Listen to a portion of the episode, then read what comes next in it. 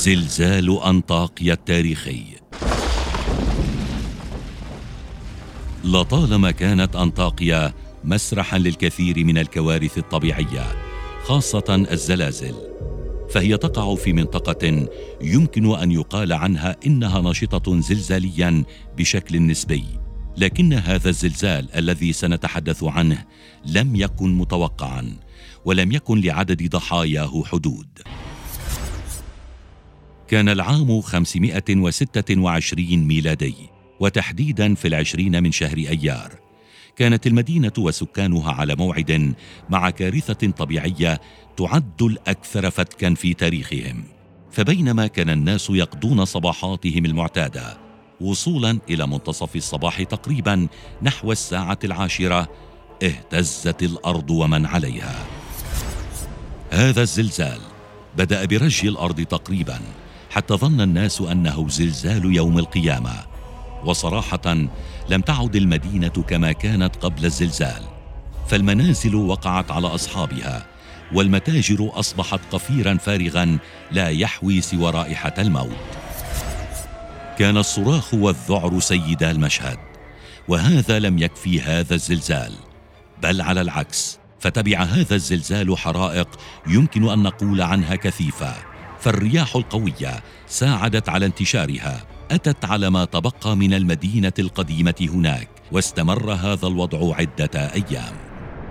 هذا الزلزال بمقاييس اليوم كان سبع درجات على مقياس ريختر. وهذا صدقا رقم كبير للغاية في ذلك الزمن الغير تكنولوجي إن صح التعبير. فكانت إنطاقيا تتبع للإمبراطورية الرومانية. فتدمرت المدينة تقريبا بأكملها بما في ذلك كنيسة قسطنطين التاريخية وميناء المدينة.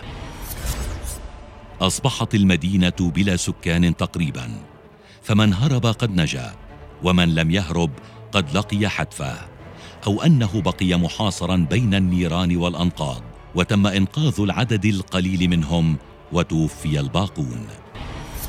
لهذا الزلزال نتائج كارثية حتى على الصعيد السياسي.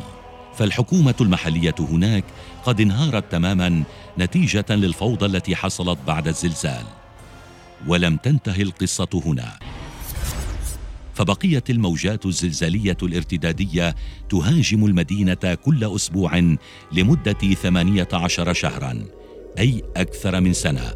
تخيل كيف كان الوضع. وعليه لم يكن موضوع ترميم المدينة قابلا للمضي قدما فيه بالشكل الطبيعي. هذا الزلزال يعتبر كارثيا على صعيد الخسائر البشرية. فهناك أكثر من 250 ألفا قد لقوا حتفهم بأبشع الطرق. إما من النار أو من الانهيارات. من أصل 500 ألف شخص كانوا يعيشون في أنطاكيا. تخيل أن يموت نصف سكان مدينتك بالكامل. مرعب للغاية. هذا الزلزال كان له وقع كبير في وقتها. فانطاقيا كانت ثالث أكبر مدينة في الإمبراطورية الرومانية بعد روما والإسكندرية. وإلى اليوم لم تتغير معاناة انطاقيا مع الزلازل.